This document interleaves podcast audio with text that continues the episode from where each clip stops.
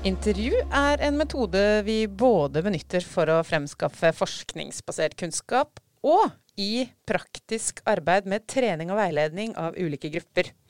I denne pensumepisoden får du mer kunnskap om hva intervju er, og hvorfor og hvordan vi bruker det. Velkommen til denne episoden av Trenerstudenten.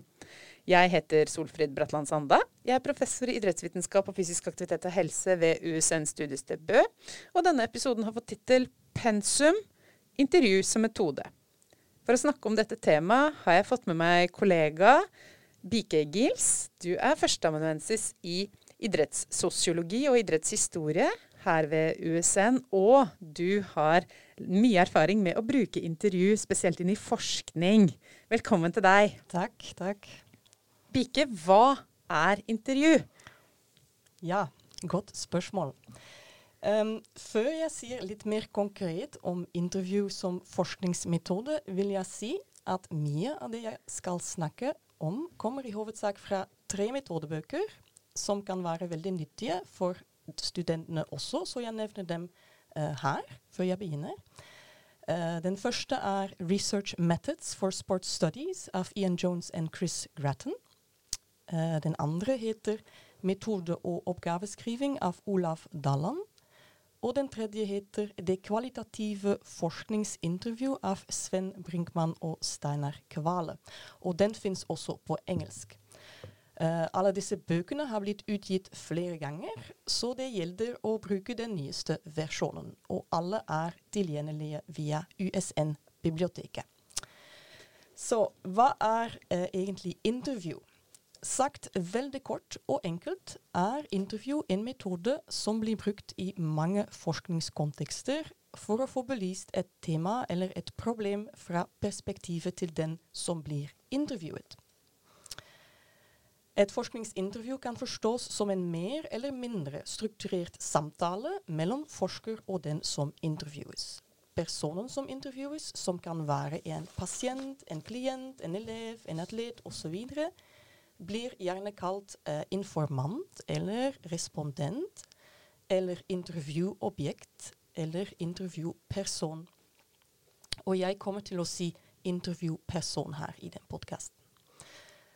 Det fins forskjellige typer av forskningsintervju, eller intervju generelt sett, som vi skal si litt mer om senere, men vanligvis blir denne metoden brukt for å hente inn kvalitative forskningsdata, dvs. Si beskrivende data eller informasjon som ikke lar seg måle veldig lett, eller ikke lar seg kvantifisere veldig lett, som forskere sier. Uh, kvalitative intervjuer kan være alt fra noen få minutter i lengden til to timer eller mer, og de gir ofte mye frihet til både intervjuer og intervjupersoner der det gjelder innholdet av både spørsmålene og svarene. Intervjuer pleier å gi rikere data enn f.eks.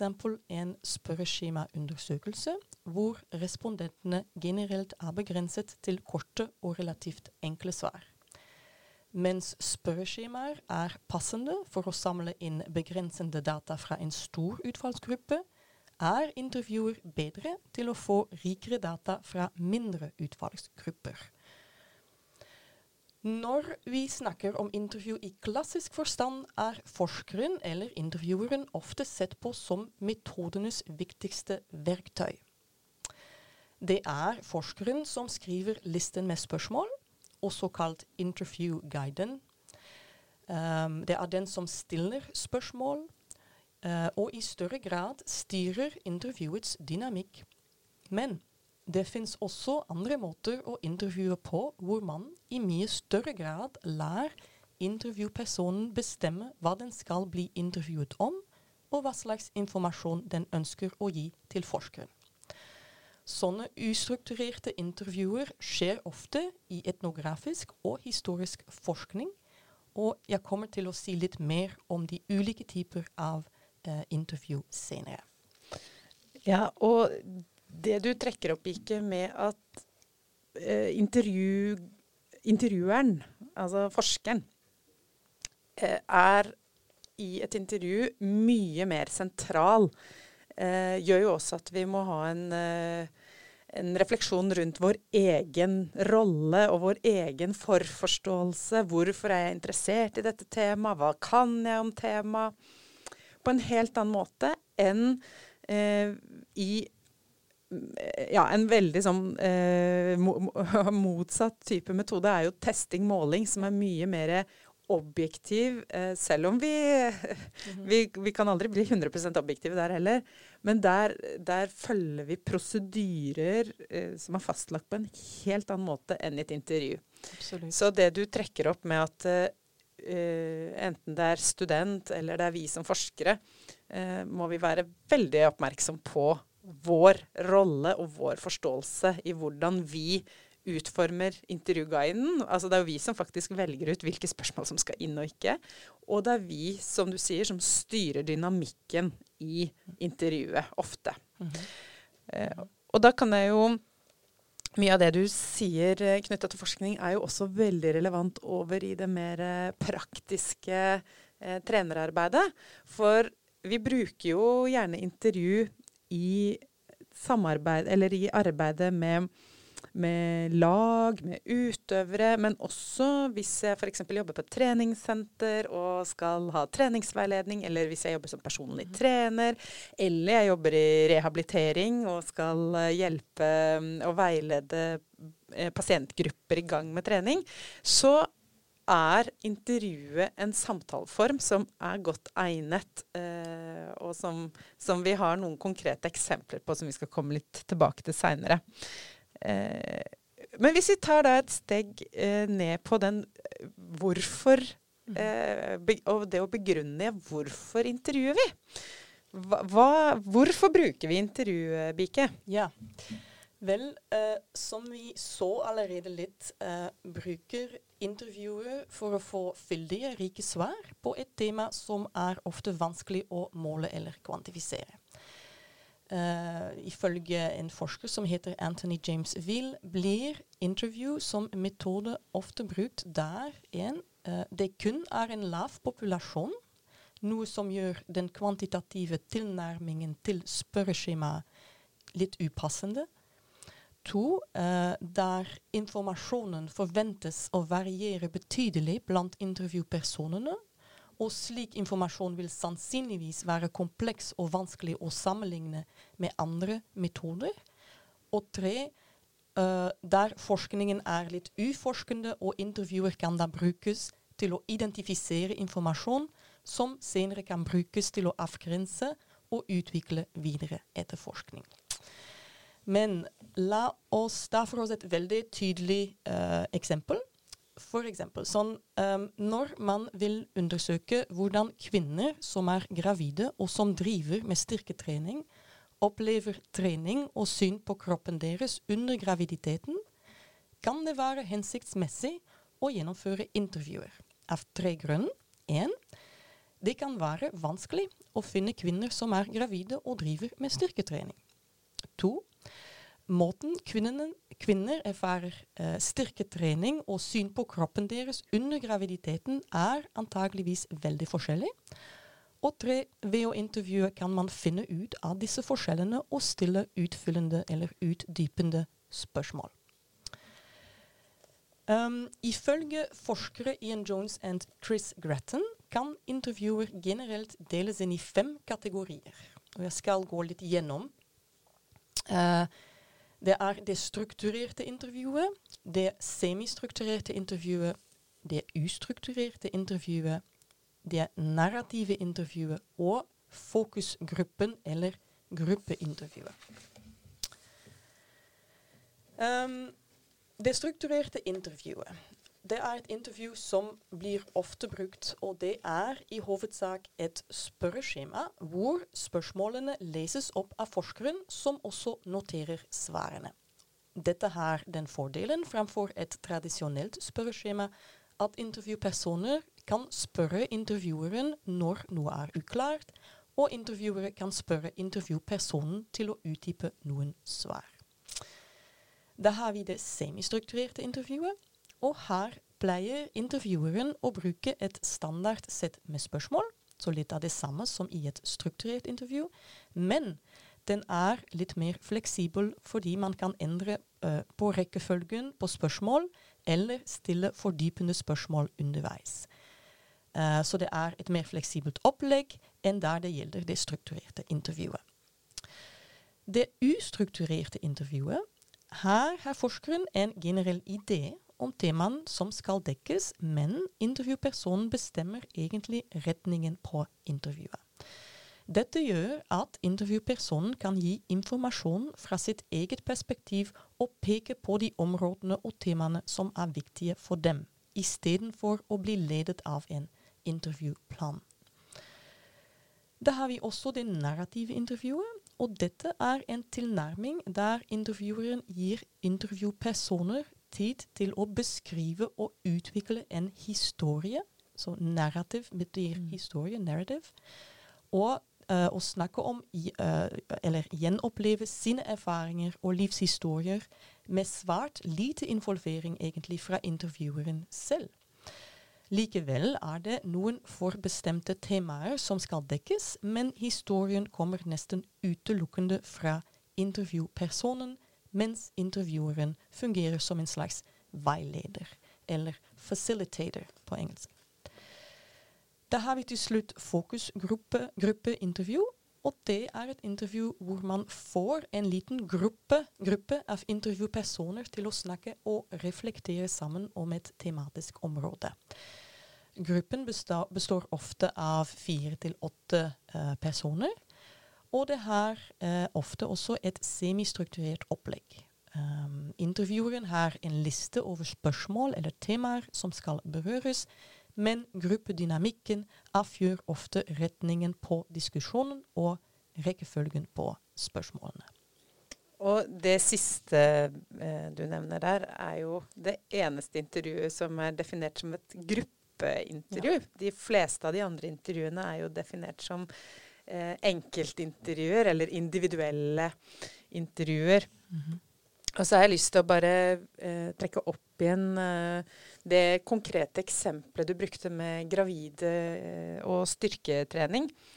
Eh, for der er du veldig spesifikk på at du var ute etter å se på eh, deres erfaringer eller deres opplevelser. Eh, og sånn sett så er jo problemstillingen du skisserer eh, veldig tydelig på at her er det eh, metoder som, som, må kunne svare på hva er erfaringer og opplevelser. Mm -hmm. Det er intervju veldig godt egna. Ja. Og så kan vi jo si at hvis vi hadde endra på problemstillingen og sagt at eh, jo, men jeg var mer interessert i å finne ut av um, Eh, F.eks. hvilken effekt gir det på blodtilførselen til barnet hvis du driver med veldig tung styrketrening, eller blodtilførsel mm. til fosteret. Eh, så er det jo andre metoder som testing, måling, som ville vært mer eh, hensiktsmessige med den type problemstilling. Så litt som vi også snakka om i andre episoder og andre temaer rundt metode, så er problemstillingen din vil alltid styre hvilken metode du velger. Og som du helt eh, supert påpeker, så er eh, den type problemstilling, da er intervju helt eh, topp, og kanskje det som vi, er å foretrekke. Ja, akkurat. Ja. Vil du gå litt mer inn på dette med, med bruk av Altså hvordan vi bruker intervju? Nå har vi snakka litt om hva det er, mm -hmm. hvorfor vi bruker det. Men, mm -hmm. men, litt sånn OK, hvordan bruker vi intervju? Ja, um, og da uh, blir det kanskje lurt å si litt om uh, intervjuprosessen selv. Uh, mm. Fordi når man gjennomfører intervjuer, da må, må, man gå må man gjennom en, en, en ja, ofte lang prosess, faktisk. Så hva er de vanligste stegene man skal gjennom når man gjennomfører kvalitative forskningsintervjuer? Så først og fremst skal man velge et tema og et forskningsspørsmål. Og jeg tar gjerne utgangspunkt i et konkret eksempel fra et prosjekt uh, jeg, jobbet, uh, jeg, gjorde sammen med noen kolleger her uh, på USN. Og det var i 2021. Spørsmålet da var hvordan kan under... Re, det er et vanskelig ord, Ja. kan under representasjonen av kvinnelige veiledere i et norsk toppidrettsprogram forklares. For å kunne besvare dette spørsmålet bestemte vi å intervjue både de som rekrutterte toppidrettsveilederne og de kvinnelige toppidrettsveilederne som ble rekruttert. For å kunne bli valgt til veileder, uh, det er en detalj, men likevel viktig, måtte man være eller ha vært en toppidrettstrener. Mm. Så vi lagde to forskjellige, egentlig semistrukturerte intervjuguider, men med mye overlapp, sånn at vi kunne sammenligne svarene fra begge grupper. Vi lagde også to forskjellige samtykkebrev som alle intervjupersonene måtte signere før intervjuet. I samtykkebrevet, som man, som man alltid skal uh, ha, ha når, man når, man gjennomfører uh, kvalitative intervjuer, fortalte vi om hva prosjektet handlet om, og om hvordan persons opplysninger skulle bli behandlet. Dette vil si, vi skrev at intervjuene skulle bli tatt opp med lydopptaker, og at all informasjon intervjupersonene uh, skulle dele med oss, ville bli anonymisert. Det vil si at ingen av de som ble intervjuet, skulle kjennes igjen i senere forskningsrapporter eller artikler. Vi sa også at intervjupersonen kunne trekke seg fra intervjuet på hvilket som helst tidspunkt. Vi skrev også at dataene skulle oppbevares på et trygt sted, og at dataene skulle bli slettet etter forskningsprosjektet tok slutt.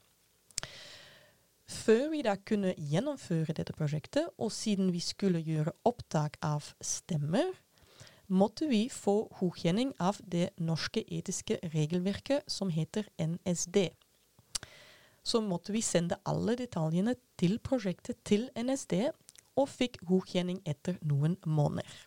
Da fikk vi endelig begynt på å intervjue. Vi gjennomførte intervjuet med omtrent ti personer i løpet av et halvt år. Noen ganger intervjuet vi en samme person to ganger. Fordi det var ofte slik at intervjupersonen kom med mer og ofte dypere refleksjoner rundt temaene enn ved første intervjuet. Det er helt vanlig, det er ikke en overraskelse, siden intervjupersonene hadde hatt tid til å reflektere rundt temaet mer etter første runde etter da de hadde blitt lagt oppmerksom på temaene av oss eh, intervjuene. Som sagt lagde vi to intervjuguides. Når det gjaldt de som rekrutterte veilederne, spurte vi mye om hvordan de bestemte hvem som skulle bli valgt og hvem ikke. Når det gjaldt de kvinnelige toppidrettsveilederne, spurte vi om hvordan de opplevde rekrutteringsprosessen, samt om de opplevde andre barrierer, i deres rolle som kvinnelig veileder og trener i norsk toppidrett. Alle opptak ble lagret på et trygt sted og transkribert, som man sier, til tekst. Transkribering vil si at forskeren hører på intervjuene og, og, og, og, overfører alt som ble sagt under intervjuet til et skrevet tekst. Forskeren beskriver gjerne også andre observasjoner fra intervjuet, f.eks. om personer sa noe på alvorlig måte, eller om den lo når den så sa noe, osv. Fordi det vil påvirke fortolkningen av det som ble sagt. En time av intervju kan ta omtrent fire til åtte timer av transkribering, så det tar mye tid. Etter transkriberingen leste vi intervjuene og begynte å analysere dem. Vi brukte teorien om institusjonelle logikker av en forsker som heter Patricia Thornton og hennes kolleger, for å analysere dataene. Vi skal ikke si her hva den teorien innebærer, men det er for å understreke at kvalitative forskere bruker ofte teorier for å analysere og tolke dataene sine. Og det finnes veldig mange forskjellige teorier tilbake til prosessen. Så etter hvert, på slutten av hele forskningsprosessen, eh, ble to forskningsartikler og en rapport eh, med funnene skrevet, og noe av det ble publisert. Så det er en oversikt over en ja, forsknings- eller intervjuprosess.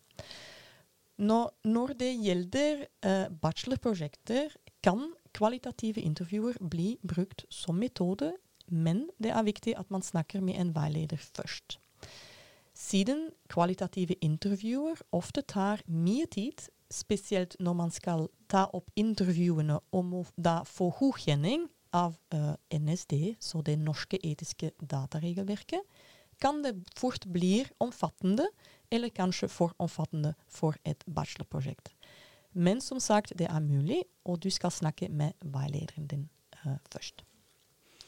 Ja, og det er en veldig fin uh, uh, veldig fint eksempel på det mer forskningsrelaterte intervjuet. Og så er det i hvordan vi gjennomfører intervjuer i det mer praktiske arbeidet med eh, trening og veiledning av ulike grupper, så har vi f.eks. utøversamtale, som er eh, et, eh, forsøk på å strukturere informasjon eh, og prosesser med utøvere. Og vi har en annen mye brukt teknikk, eller et annet mye brukt verktøy, som kalles motiverende intervju. Som brukes i, mye inn i helsevesenet for å jobbe med atferdsendring. Altså om du skal begynne å trene eller eh, endre kosthold. Eh, og så er det jo sånn for dere, dere studenter som har valgt eh, eh, dette studiet, så er dere jo ofte vant til å være i aktivitet. Så det der å tenke ja, hvordan, hvordan kan jeg jobbe med sånne intervju, hvordan kan jeg øve på sånne intervju, så, så, blir ofte det å bruke fysisk aktivitet et litt sånn kunstig eksempel. Men da har vi f.eks. brukt eh, ja, dette med økonomi, dette med studier og lesing. Eh, studenter som eh, ønsker å endre litt på studievanene sine. En eh, enkel ting som skjerm og skjermbruk. Eller søvn. Eh, kutte ut snusing. Ja, det er mange sånne ting som man kan, eh, kan bruke som eksempler for å øve på eh, disse typene med atferdsendringsteknikker, da. Og det viktigste eh, i disse, og, og både utøversamtale eh, og motiverende intervju er, eh, er såpass sentrale at det skal vi spille inn egne episoder på. Altså hvor, hvordan gjøre det. Men veldig sånn kort forklart så er f.eks. Det vi jobber med i, i, motiverende intervju, er at vi skal eh, jobbe med å stille åpne spørsmål.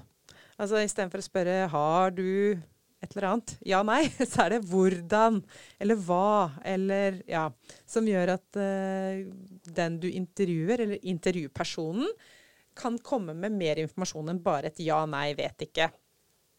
Og så er det uh, Vi bruker uh, refleksjoner over det som blir sagt, for å både vise at vi skjønner og støtter den intervjupersonen vi sitter med, men kanskje også for å eh, sette tankene og ting mer i system, og, og, og, la intervjupersonen selv komme videre i sine tankeprosesser. Og siste sånn, eh, en siste del i dette med motiverende intervju er at vi bruker oppsummeringer. Så at eh, når du har sittet og lytta en stund, så nå, nå, skal jeg sammenfatte det du har sagt, for at, jeg, for at du kan korrigere meg. Har jeg skjønt det du sier, eller ikke? Eh, men som sagt, disse, disse tingene er eh, såpass sentrale for eh, dere studenter at dette, dette vier vi egne korte episoder til. Bikke lurte på Altså, du har masse erfaring med å intervjue. Og er det noen sånne råd du har for å komme i gang og bli god til intervjuet? Altså, hva, hva, skal studentene gjøre for å bli gode på intervjuet? Ja. Um, det, først og fremst tror jeg at det er, man, det er, noe man lærer ved å gjøre det. Man må bare gå ut og intervjue litt. Selvfølgelig trenger man uh, Det kommer litt an på uh, hvem og hva, og, man kan, uh, det kan hende at man trenger godkjenning. men det er noe man kan også øve på sammen med en uh, medstudent mm. eller, eller en, uh, en, en, søster eller en bror. Uh, og det er det som du sier, egentlig, at uh, i, i alt slags type intervjuer, også forskningsintervjuer, er det veldig viktig at man stiller ofte åpne spørsmål. At man mm. spør personer til å, eller intervjupersonen til å beskrive hva den opplever, uh, og følge litt med på de refleksjonene den personen gjør seg. Mm. Um, men uh, jeg har prøvd mange forskjellige intervjuer. oral history interviews i historiekontekst. til og med um, ja, semistrukturert, ustrukturert og mange forskjellige ting. Men hver gang jeg gjør det, lærer jeg mye. Mm. Uh, fordi det er noe man Ja, man må bare gjøre veldig ofte. Og, og, og uh, ja, det er som en uh, hvordan sier man håndverk, kanskje? Ja, ja. ja. ja. absolutt. Det er et håndverk og, og, en ferdighet som på samme måte som hvis vi Eh, hvis vi ønsker å bli gode til å svømme, så kan vi ikke bare sitte og tenke på svømming eller lese oss til det, men vi må faktisk gå i bassenget eller vi må gå i vannet og øve. Og sånn er det også her. Altså, vi kan sitte og lese gjennom og lage intervjuguider, eh, men med en gang du sitter i den posisjonen at du faktisk skal intervjue, så er det noe helt annet. Det er den situasjonen vi må øve oss på. Og så er jo målet eh, at dere studenter, og det er også målet for oss, at vi skal bli så gode på intervjuet at vi klarer å ha fokus på hva er det intervjupersonen sier, istedenfor at vi har fokuset på hva er mitt neste spørsmål. Og det fokuset fra eh, jo mer utrygge og uerfarne vi er, jo mer har vi fokusert på oss sjøl og hvordan vi skal gjennomføre intervjuet. Men med øving, trening, så snur det fokuset til å bli mer retta mot intervjupersonen. Og da får dere mye mer ut av samtalen eller med intervjuene. Den siste delen Bike, vi skal snakke om, det er jo når studentene leser eh, artikler eller eh, forskning som eh, har brukt intervju som metode. Hva er det forventa at forskerne da beskriver i metodedelen. Kan du si kort om det? Ja. Um, det er Vel, først og fremst tror jeg jeg skal si at uh, i mye uh, forskning, uh, og der det gjelder kvalitative forskningsintervjuer, er det mange forskjellige måter folk skriver, eller forskere skriver metodedelen på. Og det må sies at de fleste kvalitative studier, eller i de fleste kvalitative studier, at metode- og teoridelen henger tett sammen. Um, og det er fordi, og det, jeg tror det er litt viktig at jeg sier det, jeg har ikke sagt det før, men at det er fordi teorien gir retning til hvordan intervjuer skal bli uh, gjennomført, og hva slags spørsmål som skal stilles. Så jeg vil kort forklare det uh, litt her. For eksempel um, hvis forskere, forskeren velger en såkalt fenomenologisk tilnærming til intervjuet og forskning, spør man ofte etter hva som intervjupersoner opplever, og hvordan noe føles på kroppen. Ofte bruker man narrative intervjuer til dette, ikke nødvendigvis, men ofte, hvor intervjupersonen da blir oppmuntret til å fortelle sin historie. Denne tilnærmingen blir brukt f.eks. når forskeren vil forstå hvordan personer med en funksjonshemming erfarer verden rundt seg, hvordan funksjonshemmingen preger aktivitetene de gjør, hvordan de opplever at andre i omgivelsen opplever dem, og hvordan det påvirker syn på egen kropp, f.eks. Så det er veldig beskrivende. Et annet, helt annet uh, eksempel uh, når man vil studere hvordan beslutninger blir tatt i en organisasjon, og av hvem, kan man bruke institusjonell teori, som den institusjonelle, institusjonelle logikerteorien f.eks. vi nevnte tidligere. Og spørsmålene i intervjuguiden handler da både om hva mennesker i en organisasjon gjør konkret, når de tar beslutninger, men også om hva slags refleksjoner de gjør seg når de tar uh, beslutninger. Og I noen artikler er det lett å se forskjellen mellom metodedelen og teoridelen, men ikke i andre. Så mm. det kommer litt an på fagfelt, eller disipliner, tror jeg. Mm. Men mer konkret, hva, hva, skal man se etter? Hva er vanligvis en del av metodedelen? Så metodedelen beskriver vanligvis hvordan forskningen har blitt gjennomført, så hele den prosessen. Og så tenk på den forskningsprosessen vi beskrev uh, tidligere. Metodedelen delen pleier å si noe om hvordan man har samlet inn dataene, hvor mange som har blitt intervjuet, samt noen beskrivende parametere som f.eks. alder eller kjønn. Metodedelen beskriver også hvor ofte og hva slags intervjuer har blitt gjennomført. Det kan være strukturerte fokusgrupper osv. Og, og man sier også noe om hvordan man har sørget for, for, for at de etiske retningslinjene har blitt ivaretatt og respektert. Og den delen er veldig, uh, veldig, veldig viktig. Mm. Ja. Og der, eh, et siste moment som vi også snakka litt om tidligere, er jo dette med eh, for forståelsen til forskeren. Altså eh, hva, hva, visste forskeren om feltet, eller hvilken interesse hadde forskeren av dette feltet og dette temaet før intervjuene ble satt i gang? Der, eh, fordi det kan si mye om hvordan man har eh, både vinkla spørsmålene, og hvordan man har fortolka eller forstått det intervjupersonene har sagt. Veldig bra, Bike. Eh, helt til slutt, så Du nevnte jo innledningsvis noen gode referanser og, og kilder til, som studentene kan bruke. Eh, jeg lurer på om vi bare veldig kjapt skal gjenta at det er tre metodebøker hvor en av de står tydelig på pensumlista. Og den anbefaler vi selvfølgelig at dere eh, kjøper. Det er eh, eh, Olav Dalland sin bok 'Metode og oppgaveskriving'. Eh, og den, den, tar for seg også andre metoder, men, men beskriver veldig godt dette med intervju. Er det noen uh, siste avsluttende ord du har? Råd til studentene med tanke på intervju som metode? Um, kanskje ikke så mye mer enn det vi har sagt allerede, men uh, jeg håper at det er noen av dere som, uh, som har lyst til å, til å, prøve seg på, på intervjuer, og dere kommer de, å gjøre det uansett. Uh, ja. Så nei, det var ikke ja. vel det. Ja, ja. Hvis vi skal veldig sånn kort oppsummere, hva er et intervju? Jo, det er en samtaleform. Hvorfor intervjuer vi?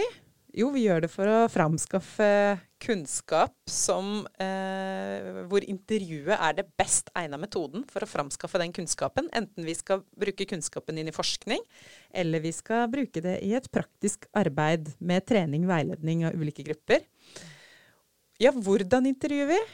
Jo, der er blir det riktig av oss å kalle eh, intervju for en type eh, paraply over mange forskjellige teknikker. Bike nevnte jo her eh, flere forskjellige måter å intervjue på, bl.a. strukturert, semstrukturert, ustrukturert narrativ og fokusgruppeintervju. Eh, men i, i, eh, det som handler om det praktiske trenerarbeidet, så finnes det også ulike teknikker for hvordan du gjennomfører intervjuer.